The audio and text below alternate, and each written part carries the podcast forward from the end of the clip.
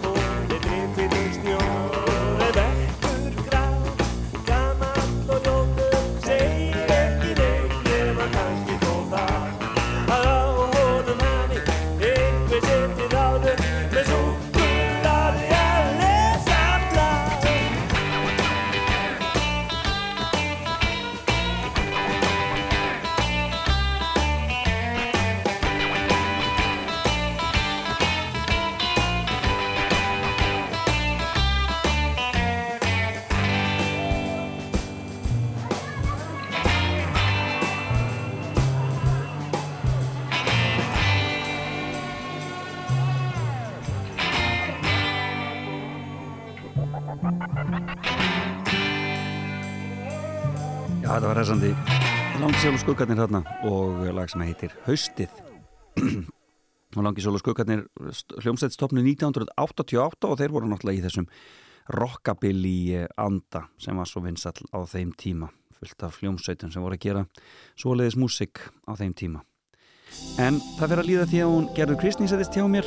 Eh, við skulum fá eitt lag með Jóa Pjó Króla áður en að það gerist og svo byrjum við gerður Kristni að rappa og heyrum fimmuna hennar. En hérna er þryggja tíma brúðkaup. Koma mamma og pappu óvart með því að ganga frá húsinu. Láta kjána lega, gera góðverk, hafa gaman og klára heima vinnuna. Muna líka drekka vat, skiptast á rósallum Brosa og kýtla mann, grilla pulsur Gista með vinnum, mega fá að vera með á sleða og líka á dýnum Þannig sköpum við gleði í heiminum. Þryggja tíma brúðkup og svo sund. Vera úti seint og klappa dýrunum. Fari út í leiku, kannski aftur sund. Bara eiga góðar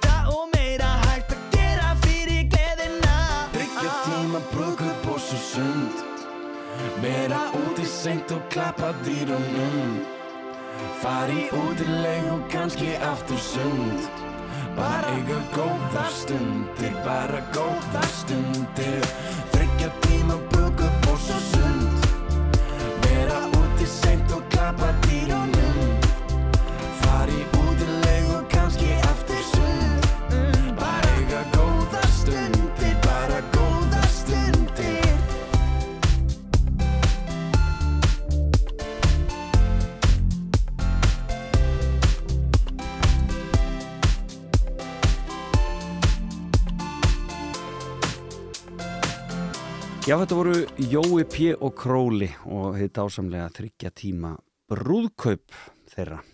En gerðu Kristni ég sest hjá mér. Hjartanlega velkomin. Þakka þér fyrir.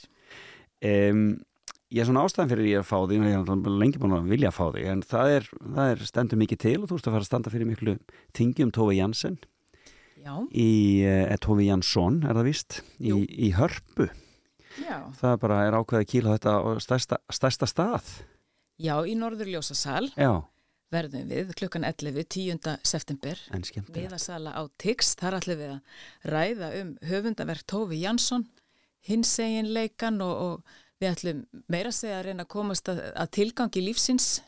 Já, Já, þannig að hérna, þetta, það, já, það, það er er ekkit ráðast að garðina sem hann er lægstur í þessu. nei, fólk á eftir að verða margsvísara á, á þessu eftir þetta skemmtilega þing sem Já. byrjar hvað klukkan 11 og, og er til klukkan 5 með hátegismat og fleiri og svo náttúrulega músikatriði og þetta verður voða gaman. Já, þarna verður allskins fólk, það eru fórsættir á þeirra og það eru rithöfundar og hinsegin fólk og prestar og ég veit ekki hvað og hvað sem ætlar að koma hana fram. Við reyndum bara að smala saman gáfuðu og skemmtilegu fólki sem en- er, er, er, dástað að verkum tófi, fullorðins bókunum, jæmt sem múmin bókunum, sem voru reyndar aldrei sérstaklega skrifaðar fyrir krakka heldur. Nei, Hún, hún sagði það aldrei að þetta væri barnabækur. það hefur sleið alveg ótrúlega í gegn svona í setni tíð einhvern veginn svona á alheimsvísu.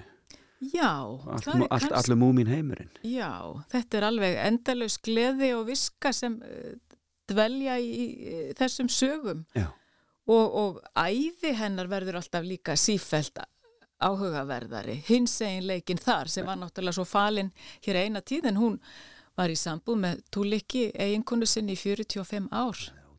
já, Já, þarna var, var, var, samkynhið bönnuð nákvæmlega með lögum í Finnlandi þannig að þær síndu mikið hugrekki. já, akkurat, myndinum hann alveg mögnuð Hún er dásamleg. Alveg frábær, já, það verður gaman að fylgjast með því og það er semst eftir viku Já, miðasal og tix. og miðasal á Tix. Við kannski komum aðeins að þessu aftur og eftir en um, ég plataði því í fimmu. Og fimman þín er skemmtileg. Fimm vörður í lífinu sem svona höfðu mikil áhrif. Já, já, ég ákvaði að byrja bara á, á æsku árunum í háleitis-hverfinu þegar maður lærði að lesa já. og uppgötvaði töfra bókana. Ég man þegar ég var 11 ára og þá fekk ég 11 bækur í jólagjöf, túslitasett og eina húfu. það var, það var, já Það var þú- alvöru bóksala greinilega. nákvæmlega það á, á þeim, tíma, á þeim tíma, bara hvað- 11 bækur Hvað gefur maður 11 ára stúlku í, í jólagjöf? Jú, Já. bók. já, Og það var einmitt. bara Enid Blyton, mann ég, einhver ævintýra bók og ég fekk eh, þjóðsögur Sigurðar Nordal. Þetta var bara dásamlegt. Mér fannst ég vera svo fullorðin eiga svona þrjár þjóðsagna bækur, svona Já. Þetta var dásamlegt. já, og þetta var bara var á heiðu staðin í herbyggi upp í hillu og Ræði svoleiðis upp í hillu og þurkaði af þessu rikið og þetta á ég þetta ennþá. nákvæmlega, Maður þarf að lesa sér til við og við um, um álkonur í barnsnöð, Já, fasmiklar álkonur. fasmiklar álkonur í, í barsnöð það er alltaf sama sagan, svo þetta svo hefnigjart fólk að þetta er alveg indislegt að þetta fólk gleymir engu sko, álvarnir. dásamlegt efni í, í, í, í áframhaldandi skálskap Já, þessar, já, það er einhvern veginn með svo þrönga grind virðist vera, það er alltaf í barsnöð. Elskurnar. En e, varstu, varstu fljótalega að lesa? Já, já, ég var það nú og hérna og, og vegna þess að ég átti svona yngri sískinni þá var ég bara látin lesa líka sjálf það Já, var ekkert mikið verið að lesa fyrir mig eftir að maður var orðin læs nema náttúrulega Andrisblöðin, það var þessi danska sem þvældist þarna fyrir manni um Já. tíma Gisp. ó já, hvað því það? Já, að, þannig að þá komu fóreldrar mínir sterkir inn og þýttu Andrisblöðin En skemmtilegt. En Já. varstu, varstu fann að skrifa þá svona ung líka? Nei, nei, en svo mann ég jólagjöf fekk ég þegar ég var átt ára. Ég, ég held að þetta væri minningabók og túspenni en föðusýsti mín útskýri fyrir mig þetta væri dagbók. Þannig að ég tók þetta svo alvarlega sko fyrst að það var búið að gefa mig dagbók Já. að ég bara fór að halda dagbók. Já, einmitt. Þannig átta til, ég held 14-15 held ég bara dagbók á hverjum degi. Sko. Og áttu þessa dagbækur? Já, þær eru til. Og eru lesnar á góðum stundum?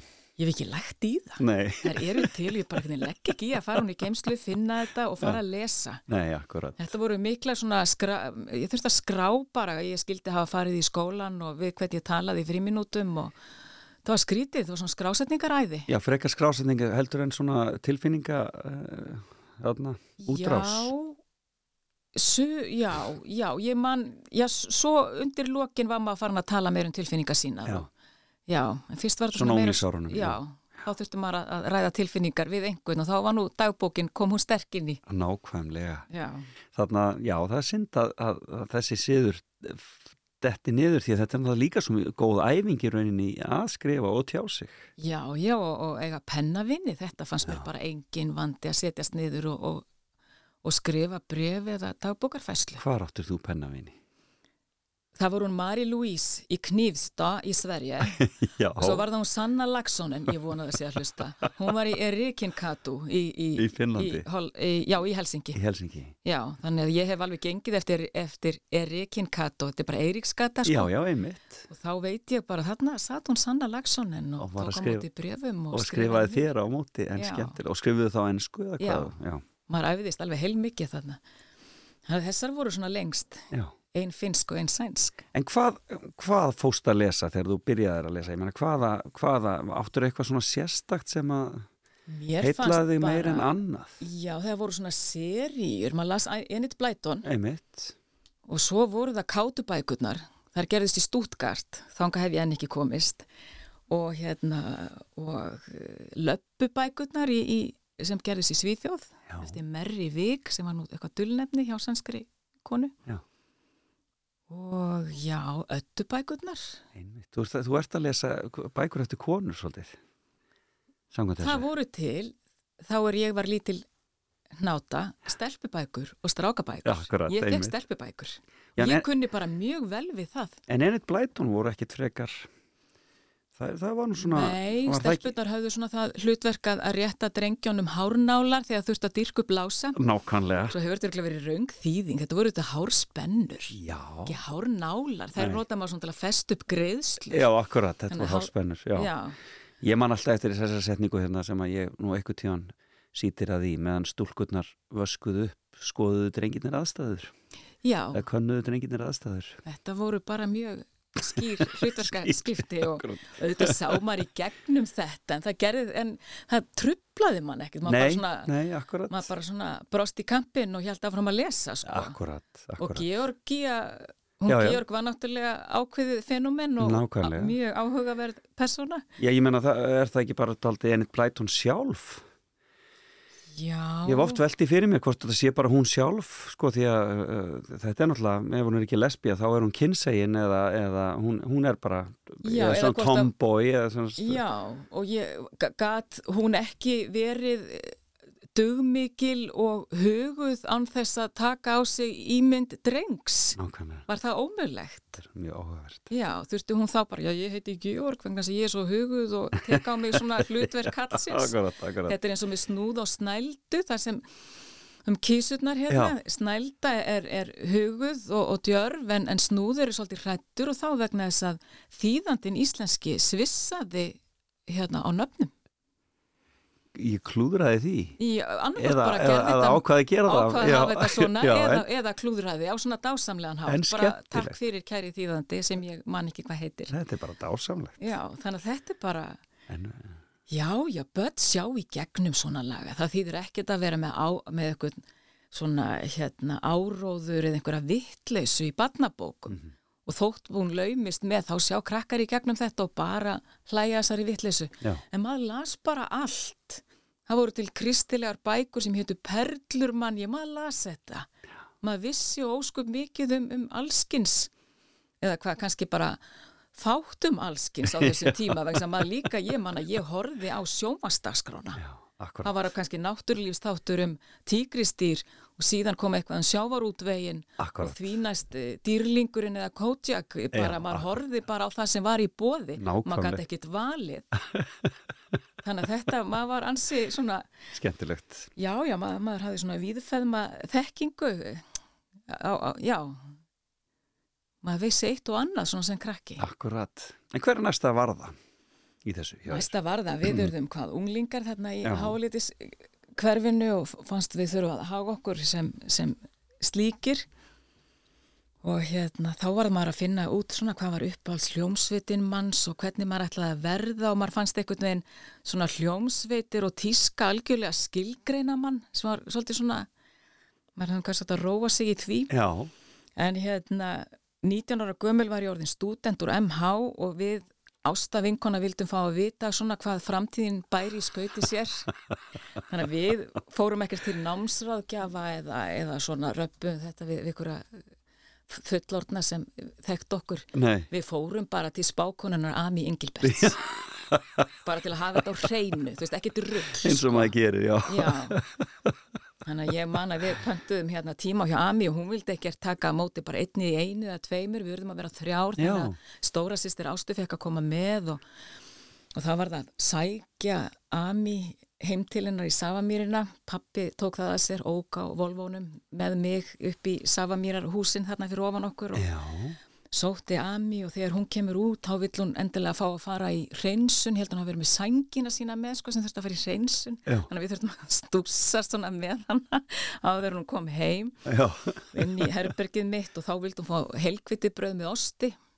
Og þetta var að letu við eftir henni sko. Þetta bara alveg- verið kröfur. já, já, við áttum alveg helkviti bröð með osti sko þannig að þetta var fínt bara. Já, svo bara hóf spádómurinn og ég man að Ami sagði Ami sagði sko að ég, ég var að fara til Fraklandstæðin eftir í nám fluginu gæti senkað já, það voru alvöru spádómar sko einmitt, já. og hún sagði líka sko að ef mér langaði til að verða kannski rítöfundur, ég var eitthvað að tala um það við hana eða blaðamaður, þá ætti ég að bara byrja strax, sagði hún. Ég veit ekkert úr hverju hún las þessi skilabóð, hvort það var lófin eða, Já, eða rítöndin eða hvað hún var að rína í, sko. Og hérna, svo viðræði ég við hana áhyggjur sem ég hafði svona prívat áhyggjur og á öðru fólki já, nálagt mér. Og þá sagði Ami nokkuð sem ég hef aldrei heyrt áður sagt í, á jákvæðan máta, hún sagði hugsaðu bara um sjálfa þig. Já, og hún var sem sagt að vara mig bara við meðvirkni. Já, bara hvað getur 19 ára bann, unglingur, ungkona hérna gert. gert í lífi annara eldra, sér eldra fólks. Ég bara veit það ekki, þannig að hún sagði þetta. Verður hugsaðu bara um sjálfa þig. Þetta fannst mér góð góð, góð, góð ráðleiking Góð, og um leið um að hugsa um sjálfa sig þá hugsa maður um aðra um leið. Já, þetta eru ágætis skilabóð En- sem ég tók með mér úr En þetta þessum voru ekki svo mikið spádómar, sem sagt. Þetta voru meira svona, Þetta var líka bara svona spjall svona, en ég man að hún sagði líka hún var eitthvað að rí- rí- rýna í stjörnumerki að hérna gerður ef að hérna, þú hefðir verið bóndakona hér á árum áður þá hefðir þú bara rekið þinn, þinn eigin uh, sveitabæ og, og ráðið öllu sáðum. Þannig að mér fannst, já ok, allir það ekki bara. mér fannst þetta hljóma bara freka sennilegt.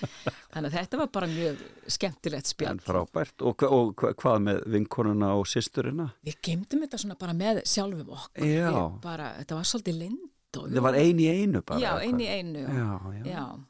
Þetta var mjög áhugavert. frábært. Já. Ami Engilberts. Ami hún Engilberts.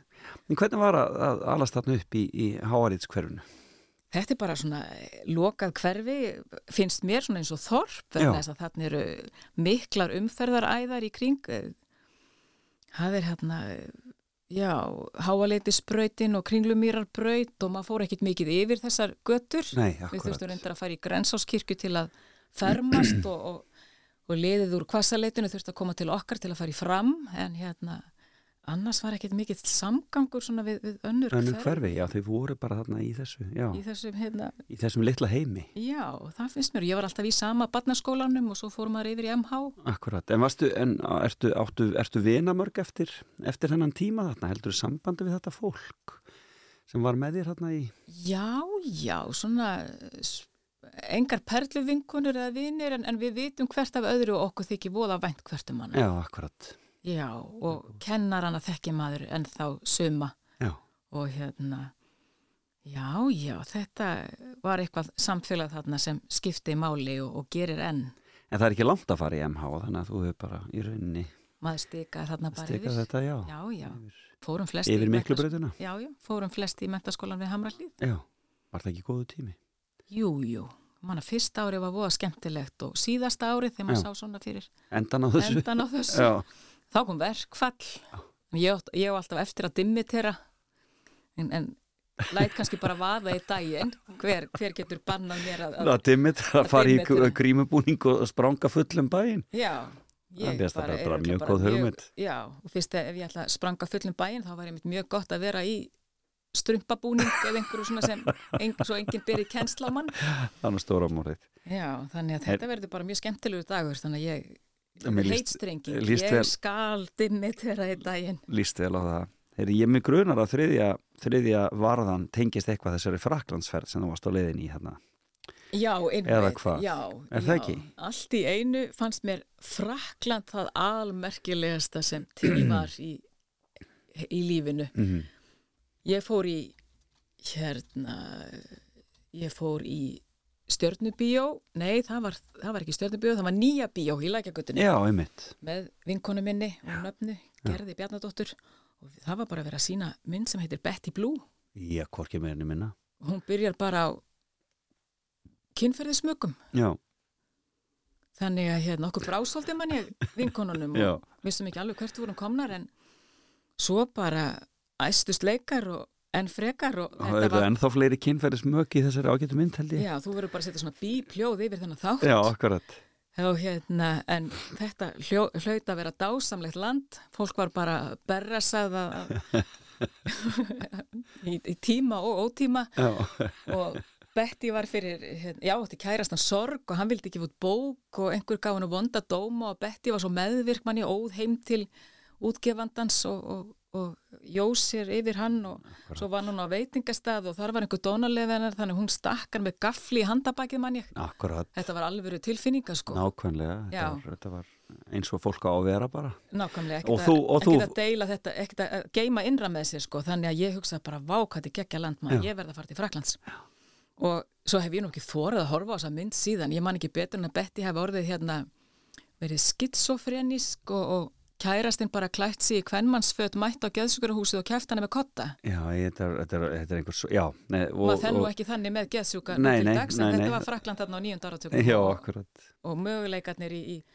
En hún var Í- gríðarlega vinsald, ég meina við spiluðum þessa músík alveg út í hið óendanlega, sko, þessi geislætiskur gekk bara í öllum partíum. Já, eftir Gabriel Jard, ofbóðslega falleg tónlist og, og ángur vær og, og indisleg. Einmitt. En hérna, það var ekki verið að lækna geðsjúka þannig í Fraklandi á Nei, þessum tíma og, og þetta er bara mjög skrítin mynd og ég man eftir annar eftir sama leikstjóra, Jean-Jacques Jean Benex, Díva, Já, einmitt. hana horfði ég nefnilega á aftur fyrir ekki allslengu og, Og hún eldst ekki, til, nei, Elti- tilgerð. eldst ekki vel. Nei, fólk í lótustellingu sem horfði bara inn í fiskabúr tímunum saman og Já, einmitt. Æ, en tónlistin var alltaf góð í þessu myndum. Já, einmitt. En, en- þetta, ég samfærið sem að Frakland væri landið mitt. þar Já, gæti þannig að bara- þú fóst þarna þá 19 Já. ára eða hvað? Ég vann í hérna, eh, var óperstúlka í klöstri þegar ég var átján, eh, veturinn fyrir, eh, nei, sumari fyrir síðast árið í mentaskóla Já, og svo ákvað ég að- læra frönsku í borg fyrir norðan sem heitir Caen. já, Kom mikið við sögu setni heimstyrjaldar, var skemmt gjörsamlega og Einmitt. hérna, svo kom ég nú bara heim fyrir jól, ég hugsa að þetta væri nú ekki, ekki alveg, mér langaði ekki til að læra frönsku þarna en lærði frönsku í Háskóla Íslands og Já. lögbíaprófi Mhm. þar og var mjög heilluð og, og svo bara varði ég bladamaður en 2003 ákvað ég að skella mér aftur til Fraklands, bladamenn fá þarna þryggja mánuða leifi Mhm. og ég reyndi svona að finna aftur þessa já, tengsl við menninguna. Hva, hva, hverjir voru að skrifa bækur á frönsku, þess var ekki ykkur, ykkur dásamlegur fransku rítufundur sem maður gæti uppgötað en þeir voru búin að þýða þessi ósköp eftir finnan Arto Pasilinna sem skrifaði hvað dýr, dýrlegt fjöldasjálfsmorð og héran og fleira sem hefur verið þýtti frá íslensku. Mhm. Frakland höfðu al, frakkar höfðu algjörlega falli fyrir honum þannig að ég las hann aðalega finskar Já. bókmentir á frönsku og, hérna, og, og það sem er svo skemmtilt við, við finskar bókmyndir, fólk er svolítið svona hrissinslegt, það bara talar emi blátt áfram Já. og ég mætti þannig tímu í, hjá Allianz Française og var farin að tala eins og personurnar hjá finnanum. Akkurat. Ég var hægt að tala um börn, ég notaði sama orð og við notum yfir hórgemlinga Já, einmitt. Og, og heimilistlausir, ég notaði franska orðið yfir, yfir hérna ónitjunga Já, það var svoleiðis. fólk sem ekki er hægt að nota, það Nei. er það sem felst í or- orðinu, franska orðinu og enda með því að kennara minn spurði mig bara hva, hvað er að gerast með því, hvað, okkur talar þið svona um fólk, hór, gemlingar og, Ah. Og ónýtjungar, þú veist, það er ekki allt í lægi og ég þurfti að útskýra, ég hef væri nú bara að lesa finskar bókmentur og hefði svona helsta orðaforða minn úr þeim en svona geta góðar bókmentir gert manna enn verri manneskjar maður var fyrir þetta er svona gott dæmi um það akkurat.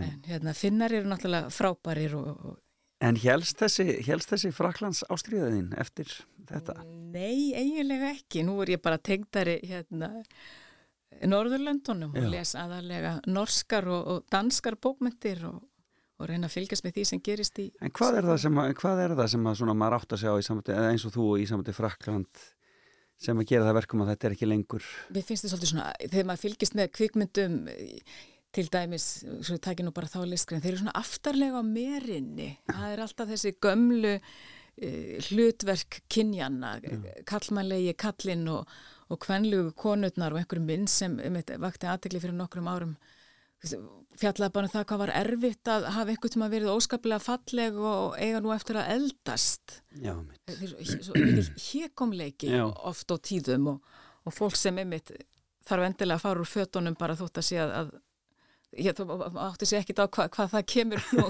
sögutræðinu við. við stendum alltaf því að gefa eigin manninum olboga sko þegar við horfum á franskar bíómyndur og kvísla frakkar. Já, nú byrjar hún að fara úr. Já, Nú byrjar já. hún að fara úr. Já, já, maður veit ekki hvert maður, hvar maður að horfa á meðan sko, þannig að þetta hafi verið viðigandi kannski Betty Blue þegar maður var 17 og 18 að horfa á þetta þá, þessum að neini þetta bara við erum, við erum komin einhvert annað á Norðurlöndunum. Það var það svona kynja hlutverkin og, og bara svona því daglega líf. Við skulum taka okkur smá pásu og eigum ekki að renna hérna einu lagi úr Betty Blue svona í ámilli Tilvalið. í tilvalið og svo höldum við Gerðu Kristný áfram að heyra fimmuna hennar.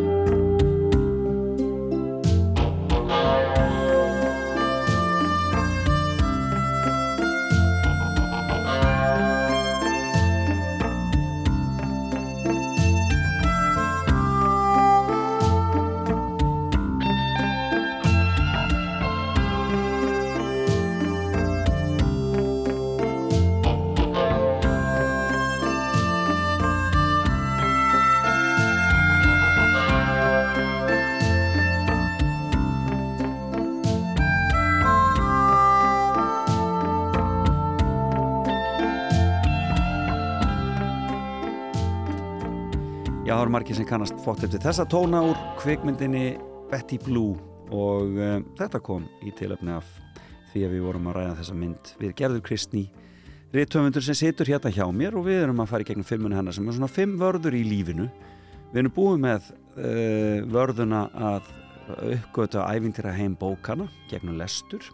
Við erum búin með vörðuna heimsókn til Ami Engilberts eða réttar að setja Ami Engilberts kom í heimsókn við komum í, í, í hreinsuninni og svo er það þessi ást sem að Gerður fekk á Fraklandi sem svona dvínaði síðan og dalaði með árunum en nú er það spurningum fjórðu vörðuna Gerður Kristný hver er svo fjórða? Já, þegar maður, já, einn daginn langa, langaði mig bara voðalega mikið til að verða rithöfundur. Já. Ég vissi ekki að það var hægt að vera rithöfundur í fullu starfi. Já, Ég sá fyrir mér að maður erði kannski eins og eh, Vilborg Dagbæsdóttir eða Stefán Jónsson, maður erði kennari og skrifaði svona við og við já, eða bladamaður, þannig að ég fjall svo fyrir bladamennskunni og var bladamar í tíu ár en byrjaði svo að gefa út bækur um svipa leiti og ég hóstör við bladamennskunni. já þa- þannig að það byrjaði strax á sama tíma í Já, rauninni bara 94 Já, hef ég störf sem bladamæður og fæ útgefna bók, litla Já. bók sem heitir Ísfrétt og svo bara heldur maður áfram að skrifa, manni dettur alltaf einhver, einhver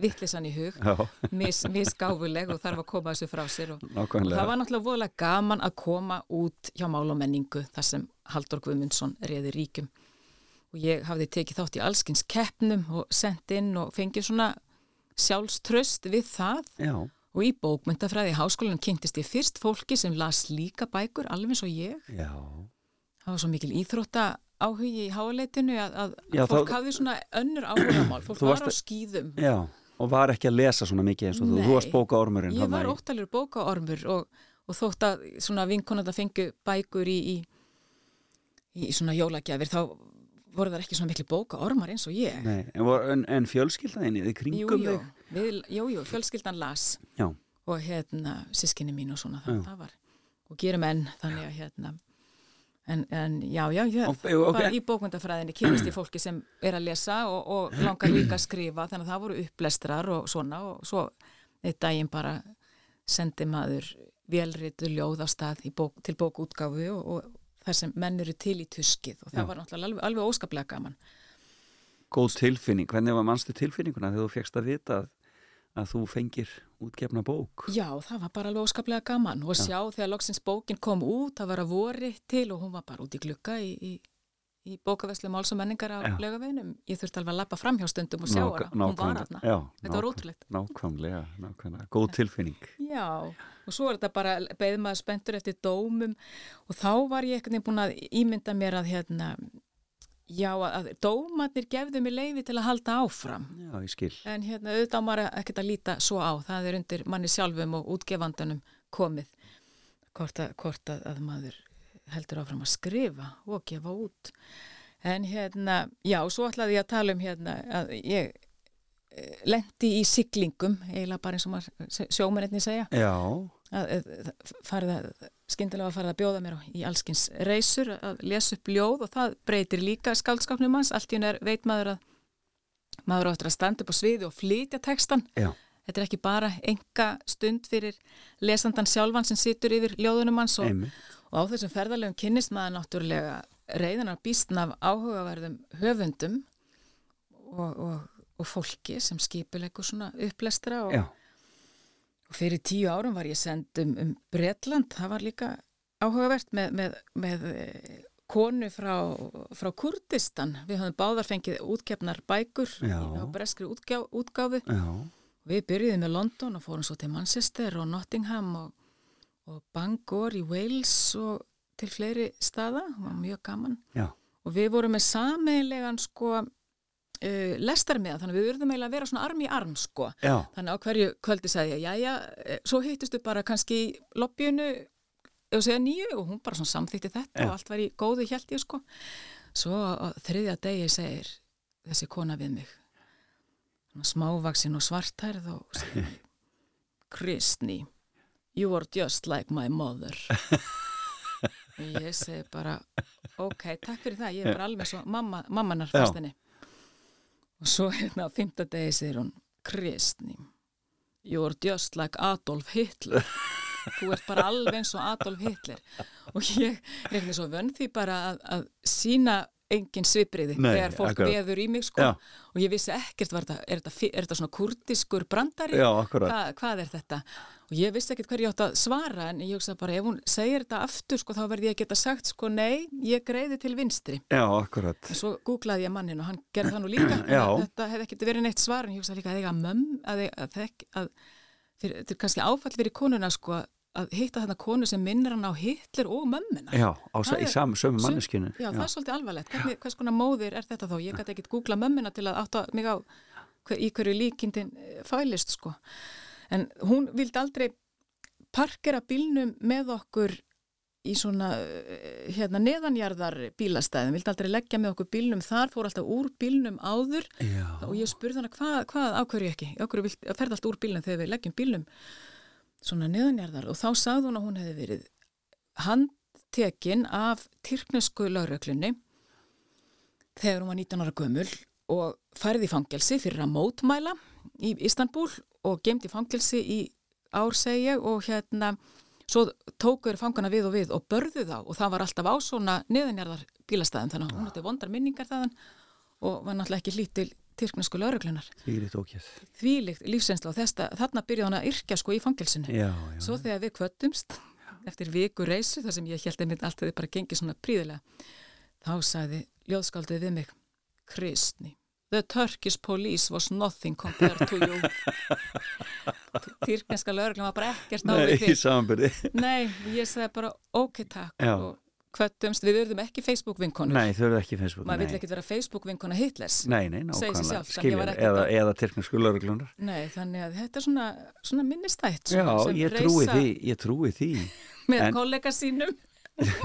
Og það sem ekkert kom upp á er svona enn að velta þessu fyrir mig stundum. Já, en svona e, virkar maður ólíkt á fólk. Nákvæmlega, en svona getur nú reytöfundaferillin líka farið með mann víða heldur betur. Svona, og svipaðu blaðamannsferillin alltaf líka. Það, því átti maður ekki von á.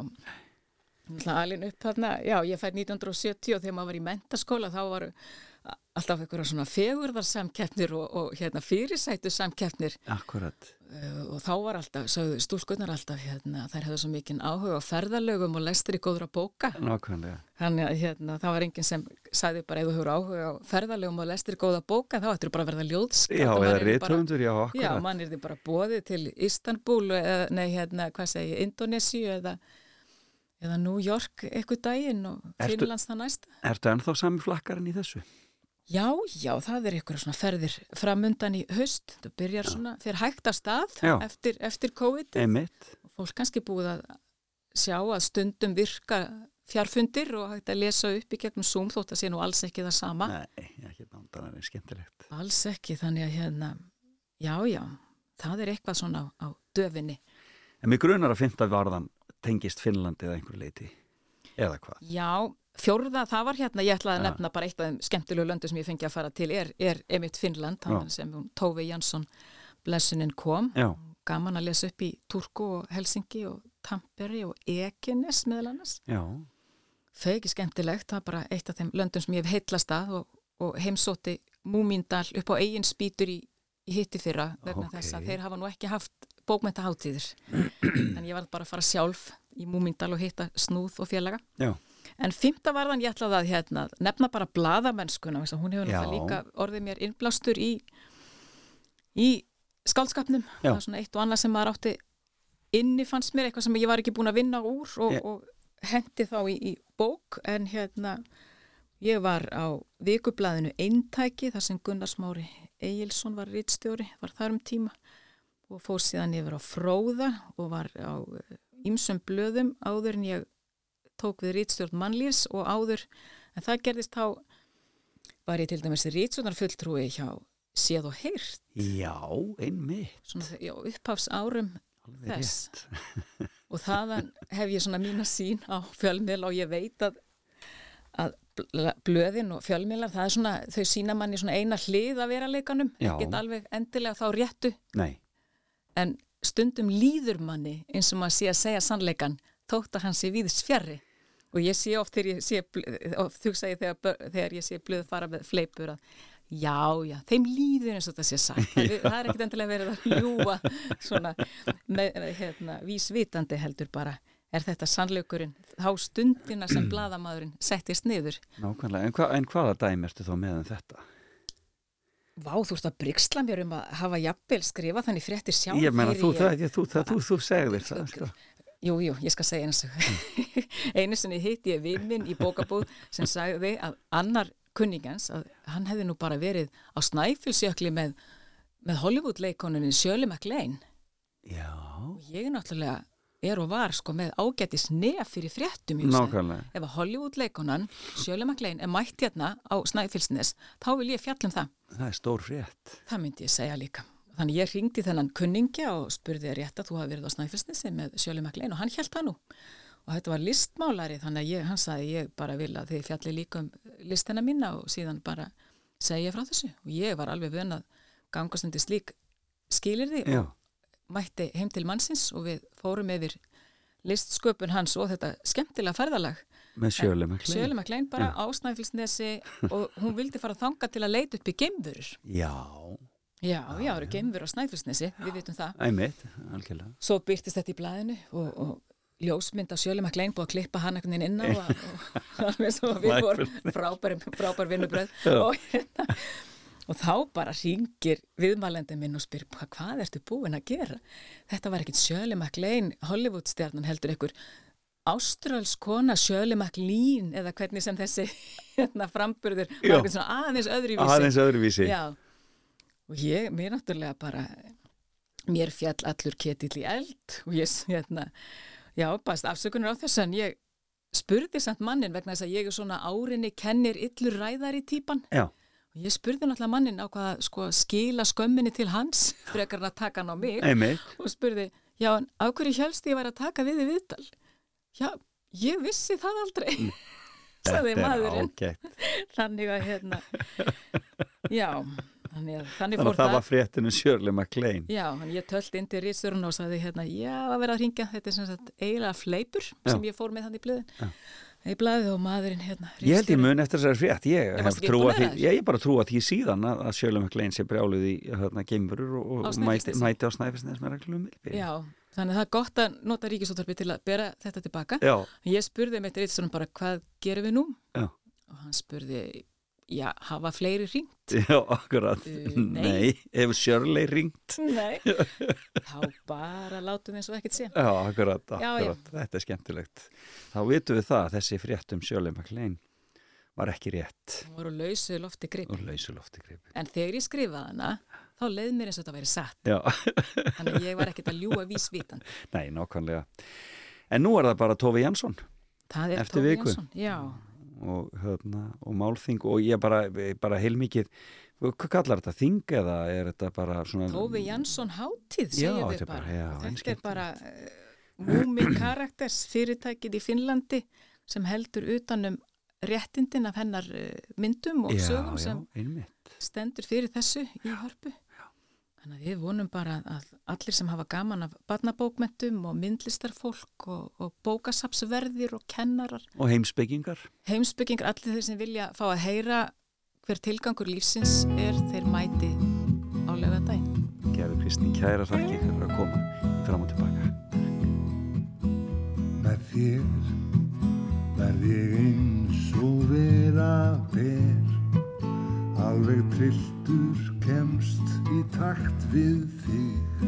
Þú tælir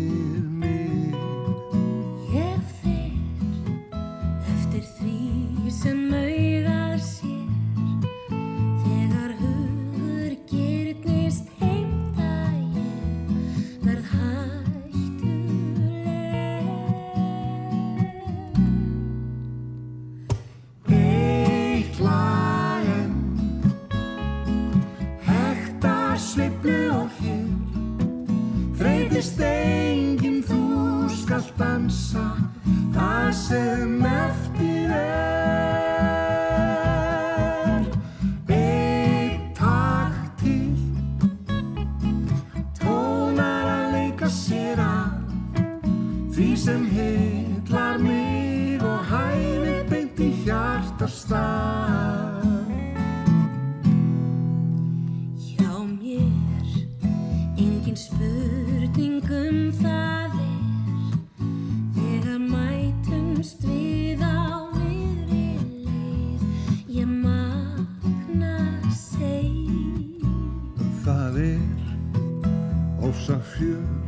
sem fylgir þér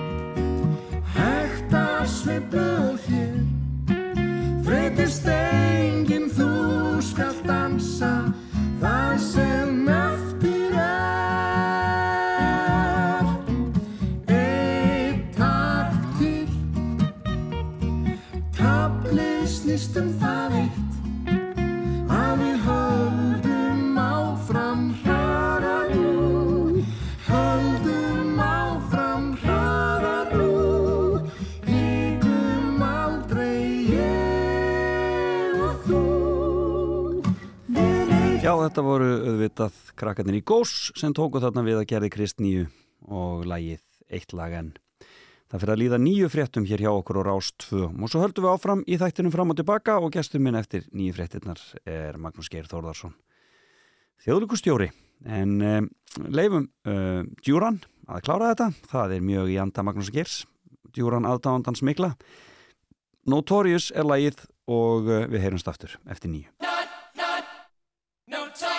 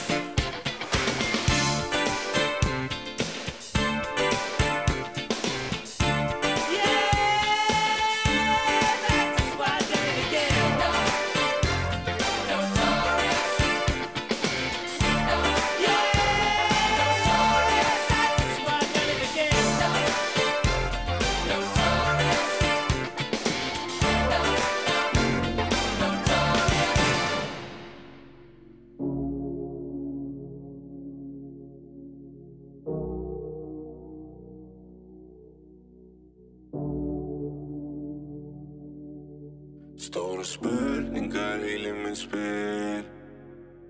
Hjartum mitt er ekki með svar. Ég slæk úr símanum mínum Bara svo að þú veitir það.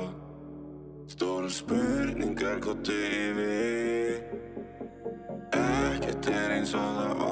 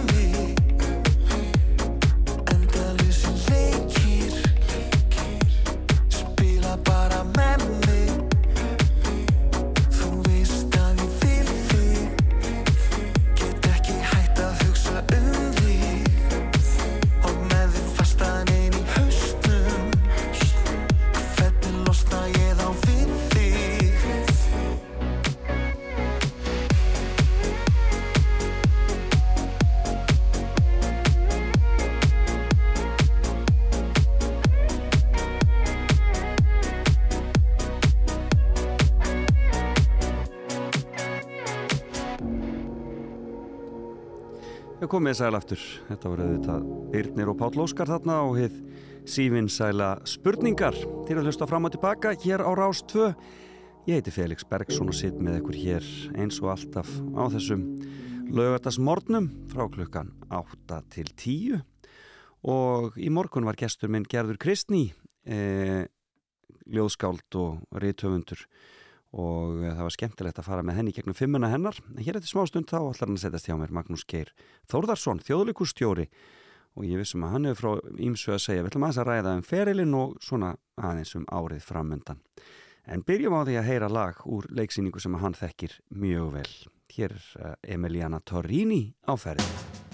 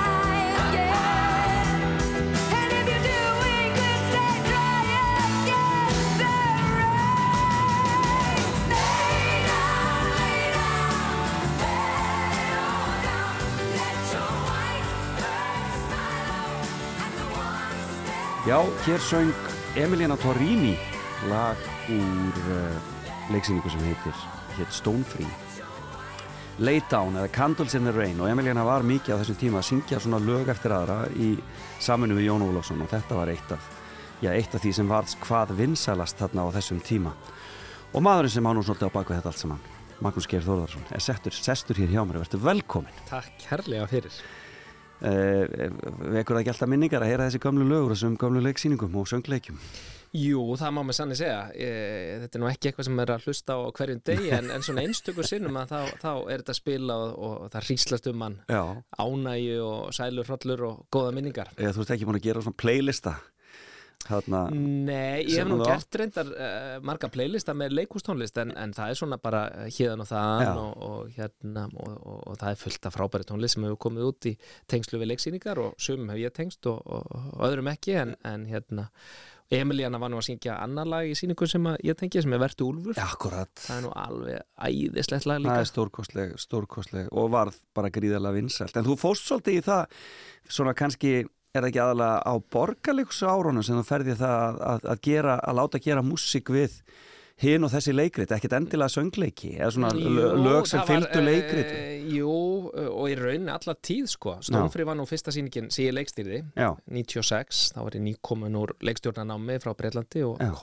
maðurinn og, og uppliði þetta æventýri með æðislegum hópi og þetta var gríðarlega vinsælt og þvílitt æventýri þannig að maður mann bara þe- þessa tíma einhvern veginn, maður var á bleiku skí og, og flöðhátt og, og gíslega gaman. Já, og hérna, en, en uh, og svo heldum við áfram að setja upp uh, alls konar sýningar og, og oft var tónlist í þeim stundum söngleikir og svo stundum verk sem að voru kannski ekki skrifuð með tónlist en, en stundum voru samin, samin lög og við höfum alltaf áfram að gera það þegar það hendar já, nákvæmlega Já, og það er, það er gaman, getur verið gaman. Æðislegt lag verðst úlfur Já, það er- alveg magnað. Já, hún er alltaf svo mögnu listakona líka, hún Emiliana Já, engum lík engum lík, já en förum aðeins aftur í þennan. Það er sko, þú, þú í rauninni ert orðin leikustjóri 8 ára eða 9 ára eða hvað það er með gaman leikusinu en uh, það hefur aldrei annað komið til greina. Hvernig, hvaðan kemur þessi leikusáhugi?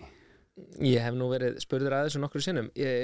Fóreldra mín eru ekki listamenn og kom ekki úr leikhúsinu en, en eh, hins vegar býja að að, fóreldrar mínu dró okkur bræður mikið á listviðbyrðu og í leikhús og, og, og bara frá uh, fyrstu sýningunum sem ég sá var ég algjörlega heillaður. Þannig að leikhúsið hefur bara alltaf gripið mig og já, ymsa minningar og leikhúsi, sumar óljósar og aðrar skýrari frá því ég var ungur og, og, og bara þessi töfraheimur og þessi magík í leikhúsinu heillaði mig þá og heillaði mig jafn mikið enn sko. Já, þannig að, að þetta kom þaðan og svo svona uh, bara uh, var þetta alltaf meira og meira og, og, sem batn var ég orðið, al, orðin algjört leikhúsnörd Já.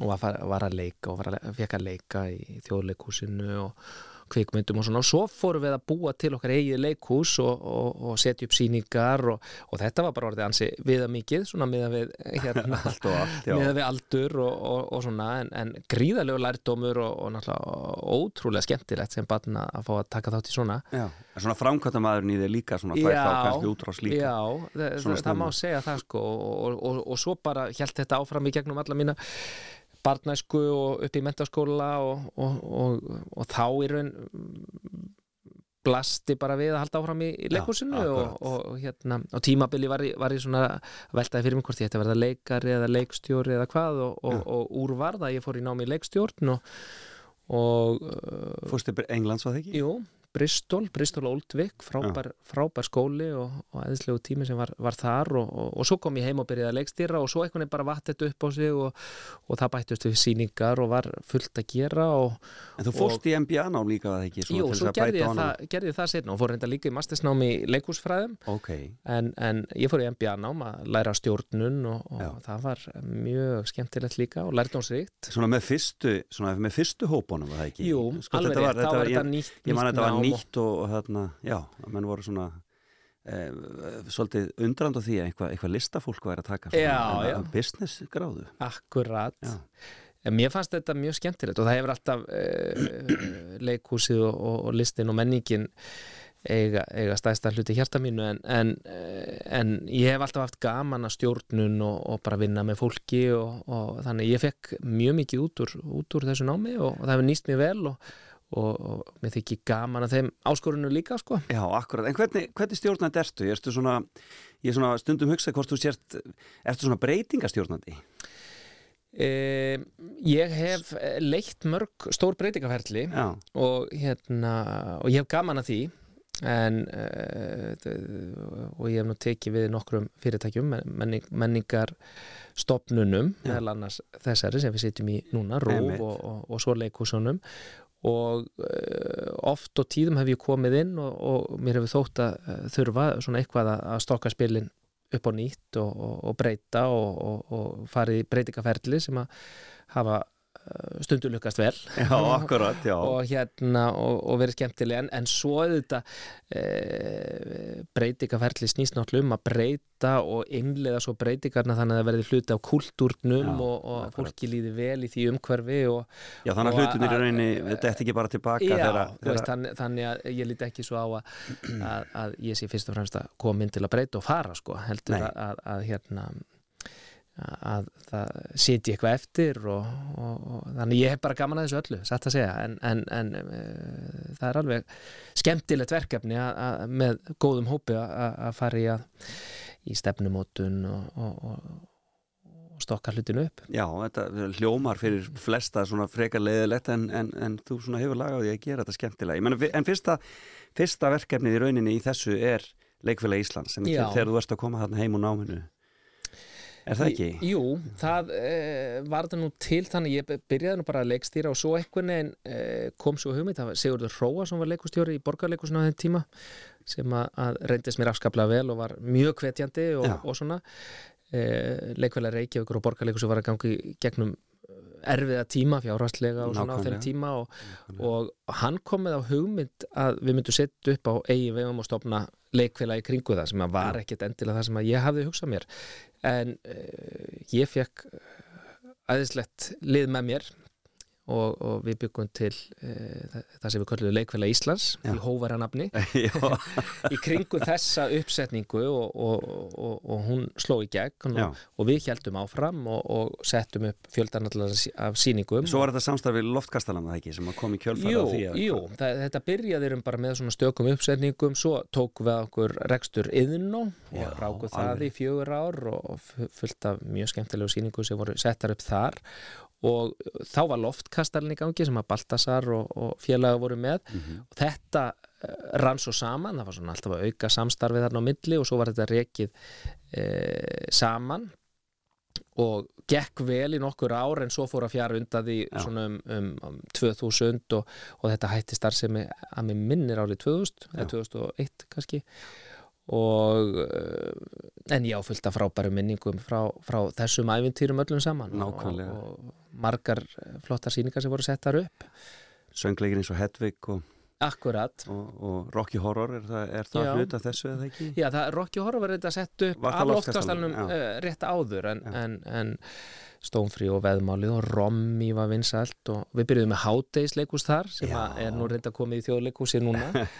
Hérna, þannig að það er ímislegt sem að maður prófaði, prófaði þá og, og, og, og hérna og svo hefur maður haldið áfram að vinna með. Fórstu beint á Akkurir eftir að þessu lauk æfinturnum með Íslands? Nei, eftir að því lauk að þá fór ég nú út í mastersnám í leikusfræði, fórst í Wales. Já, já, já.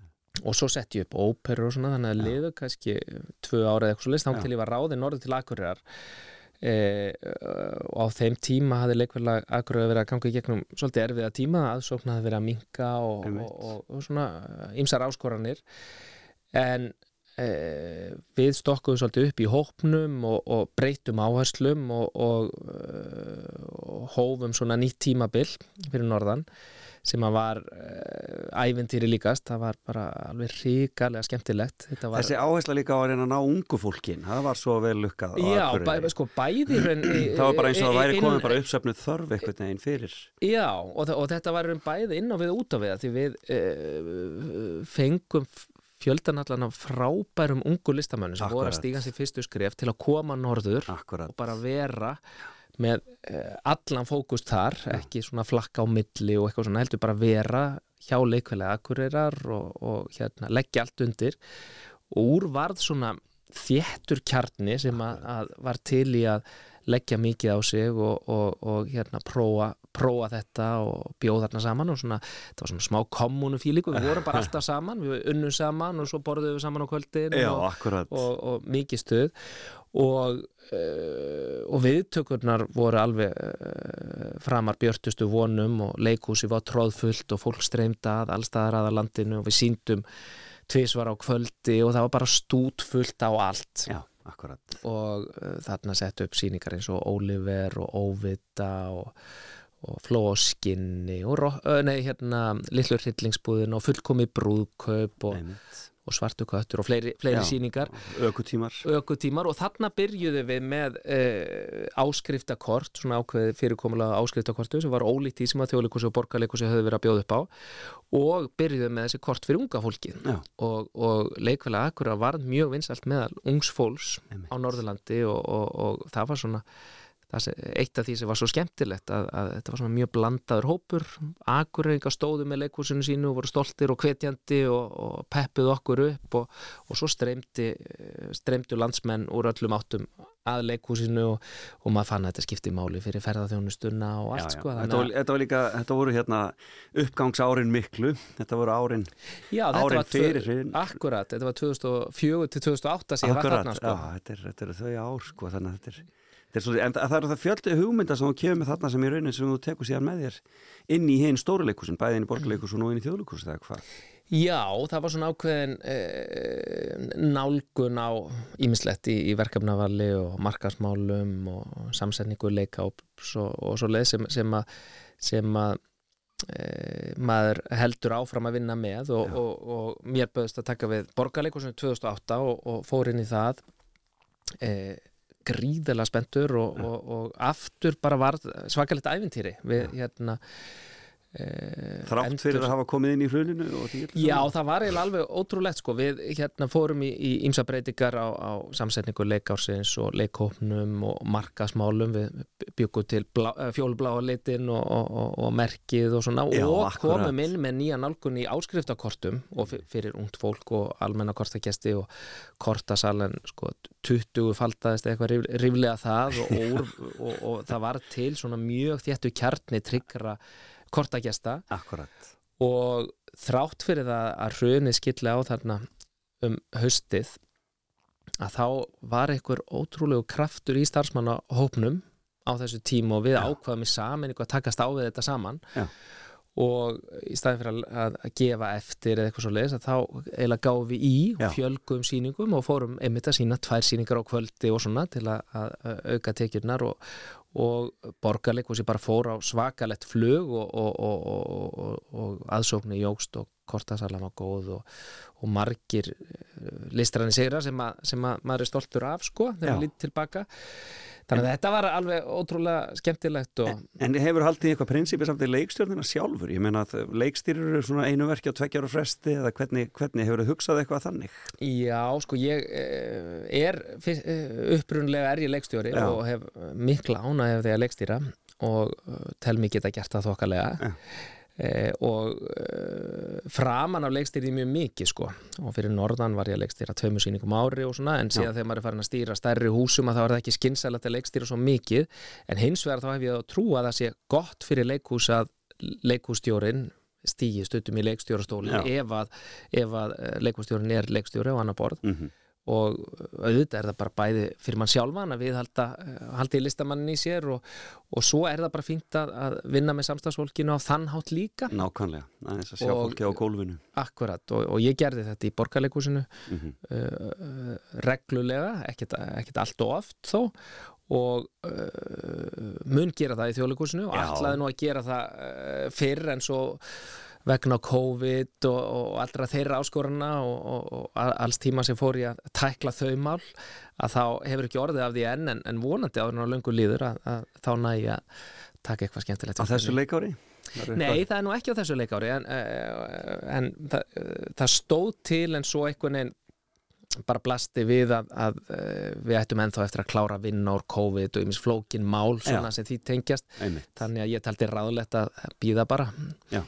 Að, uh, og ég held að það sé alveg rétt það er bara fínt Og nú er leikári fyrir að byrtast og alltaf, alltaf byrja að gerast. Er Já, þetta ekki, er þetta ekki, ekki uppáhaldstíminn? Jú, veistu, þetta er alveg æðislegt sko. þetta er, það er náttúrulega búið að vera að vinna að þessu fjöldi fólks búin að vera að vinna að þessu undibúningi þessar leikárs fyrst í verkefnavali og mönnun og samsetningu og svoleiðis og svo er þetta allar pródusjónar, uppsetningarnar bara búin að vera að móta uh, listrannastefnu og leikmynd og, og allt, uh, allt annað tengt sýningunum. Já. þannig að þetta er búið, uh, það er allt búið að vera gerjast í marga mánuði og svo kemur bara að þessum tímapunkti þegar tjöldinu er dregin frá og við segjum frá hvað við erum að fara að gera og, og komum út með blað og, og þess aftar og þetta er alveg ríkalega skemmtilegt og, og þegar maður byrjar að finna uh, áhuga leikúsgesta og, og eins og núna við ákvaðum nú að, að eh, kynna leikúri örlítið setna en ofta áður bara af því að tilfinningi var að, að landsmenn myndu kannski halda þetta aðeins lengur í sumarið og, eftir COVID-tíman en við byrjuðum að segja frá leikárun í síðustu viku og, og, og blaði kemur út núna í lokvikunar og það bara var ekki e, að sögum að spyrja það bara byrjaðu allar línur að glóa Já, og, og, fólk byrjaði að tryggja sér kort og það var náttúrulega æðislegt tilfinning að finna að þrátt fyrir þessa skrýtnu tíma sem við verið að upplifa þá er fólk til í þetta. Það er bara það eh, þráir að koma, koma í leikhúsið og, og fá að anda með öðru fólki og upplifa saman, hlæja og gráta og, og allt þar á milli. Og þetta er svona mjög alþjóðlegt prógram sem við höfum heyrt svona af svona til að byrja með Pussy Riot þarna og, og, og frumsýnd verk eftir erlenda höfunda með erlendu leikstjórum og annað slíkt þannig að þetta er svona, þú ert svolítið að, að, að kinga kolli til útlanda líka Já, sko við, e, þjóðleikúsið er e, stendur fyrir mjög breyðu verkefnavali e, þessi misserinn og, og núna í vetur og þá erum við, við erum með stóra, aðgengilega, fallega, alltum ve, vefjandi söngleiki eins og sem á himni sem við frumsýnum eftir bara tvær vikur. Sem ótrúlega falleg svona kærleiksbomba og, og, og hérna sem að á eftir að samena fólk.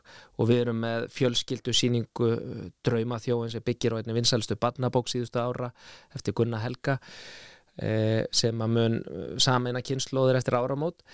Við erum með fullt af íslensku verkum sem eru bara beint úr íslensku samtíma. Já, svo nokkur augnabliku nótt eftir Adolf Smára sem hann, hann Ólafur Egilson er að leikstýra. Já, e, fullt af þeim en við erum líka með glæni erlendverk og ég hef lagt á það áherslu alveg frá því ég tók við þjóðleikúsinu fyrir tveimur árum að reyna að opna Íslands leikúslíf og laða eh, framúskarandi erlenda listamenn að leikúsinu og ég held að það sé afskaplega mikilvægt fyrir okkur mm. Íslands leikús er einstaklega gott, það er uh, bara í erlendu samaburða, þá stöndum við mjög vel en við erum lítið leigja og við og erum við getum fámenn. einangrast við Já, getum, við getum einangrast. og, og það er rosa mikilvægt fyrir okkur að fá bara súrefni og, og sérstaklega ef að, ef að það gengur að fá þá sem fremst í standa. Og það hefur okkur tekist og, og, og við kynntu það nú í vor að við erum komin í samstarfið einn eh, virtasta leikhóp heims, Complicité með Simon McBurney í, í, í farabróti og nú vorum við að kynna að við myndum heimsfrum sína verk og reyndar ekki eitt verk, heldur þrjú verk þríleika eftir Marius von Mayenburg sem að, að hlustendur kannski þekki ekki nafnið en þetta er eitt virtasta leikskáld heims síðustu 20 ára Já. og þetta er í fyrsta skipti sem að Íslands leikhús heimsfrum síni verk eftir erlend skáld af þessari starðagráðu Já. Og það er Benedikt Andrews sem leikstýrið þessu, hann er, er Tengdasonur Íslands. tengdasonur Íslands en, en er uh, mjög eftir sóttu leikstjóri sem að Nákvæmlega. vinnur reglulega með Kate Blanchett og öllum þessum stórstjörnum í, í, í London og Broadway og, og Ástrali og Berlín og ég veit ekki hvað. Þannig að, að, að við erum að fá frábært fólkingað og svo eins og þú nefndi Pussy Riot sem er þetta geggjaður hópur sem við höfum nú fylgst með gegnum fjölmiðla og fréttir á síðustu árum og, og, og hérna sopið kveljur yfir hérna baráttu þeirra við, við Putin og, Já. og Kó. En þær komu hingað og hópurinn kom hingað í vor og vann hér að sýningu sem að þau eru búin að vera ferðast með um Evrópu í allt sumar og hefur verið að fá frábærar eh, viðtökur og uh, þau munu koma hingað og sína þessa sýningu í þjóðleikusinu í november þannig að, að uh, það er alveg fullt á spennandi, spennandi gangi af öllu tægi þetta, þetta sem er úr okkar nærsamfélagi íslensku sögurnar og svo þessi erlendu áhrif og, og það eru átakaverk eins og þríleikurinn Mayenburg þríleikurinn LMB og X heita verkin sem við frumsýnum núna þessu leikári. Þetta er uh, þannig verið að taka á stórum spurningu sem að hafa brunnið á okkur á síðustu árum. Já. tengt kanselkultúr og, og, og hérna og MeToo umræðinni um jafnbreytismál og fleira þess áttar en svo er, er við líka með risastórt hjarta eins og í söngleiknum sem, sem að ég var nú bara á reynsli gær og ég táraðist bara aftur og aftur og, og, og fór svo heim og, knúsaði strákana mín og hugsaði hvað, hvað lífi væri nú dásamlega gott? Þetta verður ræðislegt og ég veit að margir eftir að ná sér í bæklingin bara fá, ná sér í hann inn á heimasíðu þjóðlugusins og Já. fylgjast með þessu, þetta verður, hann verður ekki eins mikið prentaður í ár eins og, eins og fyrri ár sagður mér á Nei, það er nefnilega, við- viljum gera það sem er rétt og, og, og uh, leikársblaði sem ég veit að margir hlakka alltaf til að fá á hverju ári og, og halda jafnvel upp á og kynna sér leikári. Hann hefur verið prentaður í mjög stóru upplægi og, og, og settur í fjöldreifingu í öll hús og og afleiðing þess er auðvitað að uh, þó nokkur blöð uh, enda í ruslinu bara hérna og þannig að það er ákveðin sóun þar og á þessum tímum þegar við erum öll að hugsa um umhverfismál að þá fannst okkur ótækt að leikhúsið stæði fyrir því að prenta 80.000 eintök af blaði sem að, að, að kannski bara hluti móttakenda væri að býða eftir Já. þannig að við breytum við takt núna og nú, nú við fólk bara um að skrá sig þeir sem vilja fá blaði sendt heima dyrum fá það sannarlega. Hinnir geta fengið það rafrænt Já. eða öðrum miðlunulegum en við ætlum ekki að byrja þetta í fjölbýlishús og, og, og býða eftir að það fari í tunnuna þannig að, þannig að við erum auðvitað bara að reyna að gera, gera, gera það sem rétt er eins og, eins og allir um allan heim. Algjörlega, þetta verður gríðarlega spennandi. Kæra þakkir fyrir spjallið. Magnús Gerfusson enda þetta með Sturlu Atlas og lægi úr uh, Rómau og Júlíu frá því fyrra Kviksindi heitir það, takk fyrir spjallið. Takk sem er leiðis kærlega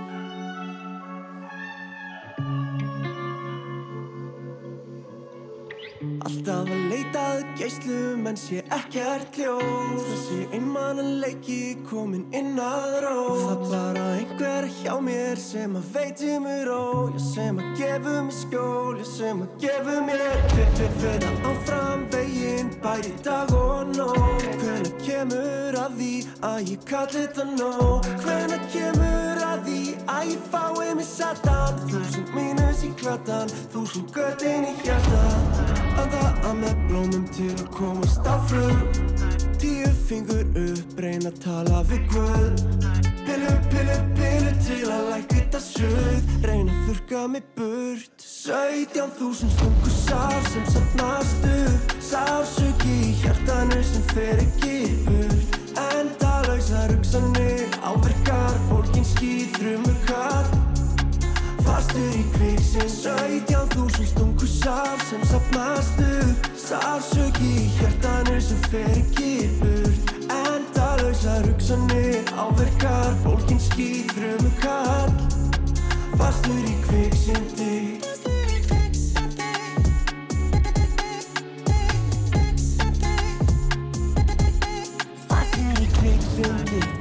Eitraðar hugsanir. Hverfon í malbyggið Djöflarnir elda mig. En þú mynd aldrei sjá mig fella tár. Ég með lokuð augun Opin sár. Ég í hverfilbil Jarðskjálta mér smá, mér smá Hvað hjálpar? Með lokuð augun Fálmandi leita draugum. Segðu mér satt Myndu sakna mín þegar ég dauður 17.000 stungu sár sem sapnast upp Sársöki í hjartanu sem fer ekki burt Endalausar hugsanir, áverkar, bólkin skýð, þrjumukar Fastur í kviksindi, fastur í kviksindi Eitraðar hugsanir Held þú munir aldrei skilja mig. Taka fósporin sem ég tek. Þau fáu sem ég get. Mynd aldrei skilja hvernig það er að vera ég. Hangand á brúninni Orlandi niður á við. Hversu lengi mynd ég svífa hon í malbyggið? Með lokuð augun, fálmandi leita draugum. Segðu mér satt, myndu sakna mín þegar ég dauður. So enchanting in every way. It's everlasting every day. Sweet obsession, rose bouquets. Oh, it's heaven, or so they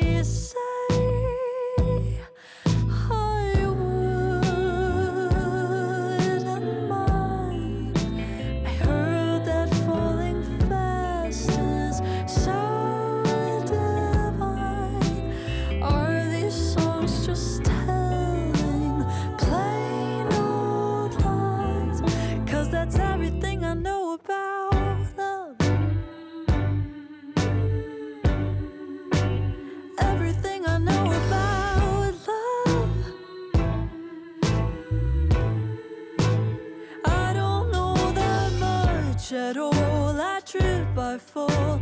Every time I try, it's all too much. That's everything I know about love.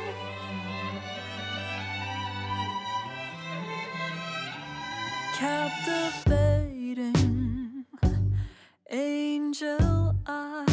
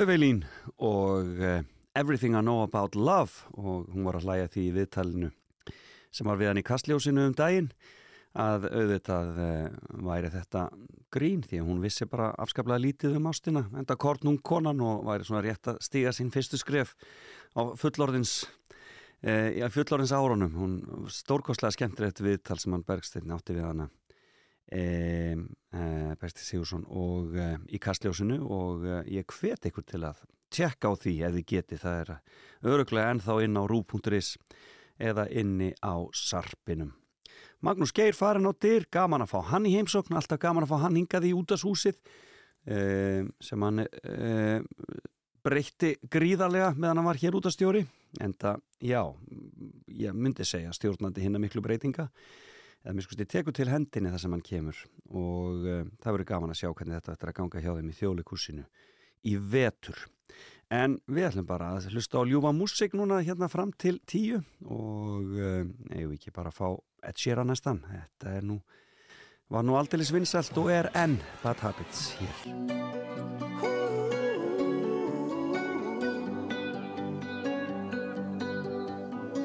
Every time you come around, know I can't say no. Every time the sun goes down, I let you take control. I can feel the paradise before my world implodes. And tonight had something wonderful. My bad habits lead to late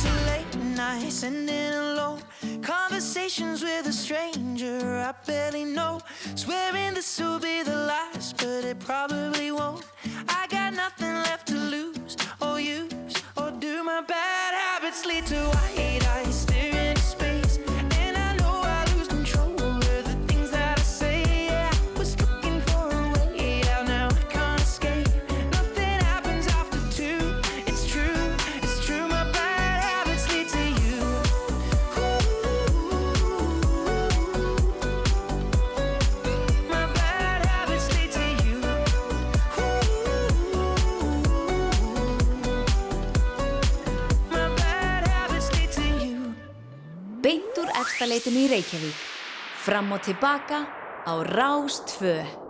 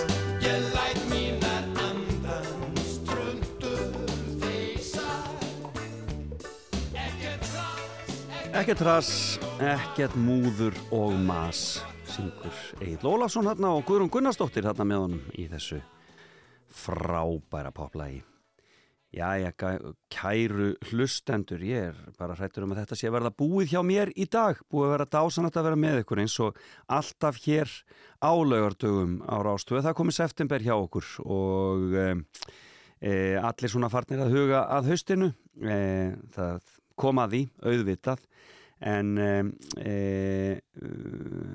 við eigum eftir að e, vera með ykkur hér á Rástöðu áfram í dag og uh, gera margt og mikið skemmtilegt. Salka Sól byrjar hér klukkan tíu eftir smá stund og uh, uh, síðan er það uh, hljóðvegurinn eftir, eftir fréttir, hljóðvegur 1 og það eru Jóhann Alfred Kristinsson og Rúna Róbertsson sem verða með uh, þáttina þessu sinni og ætla að uh, fara með hlustendum á ljósanótt í Reykjanesbæ og það er nú aldeilis flott og skemmtileg hátíð, stór hátíð þar.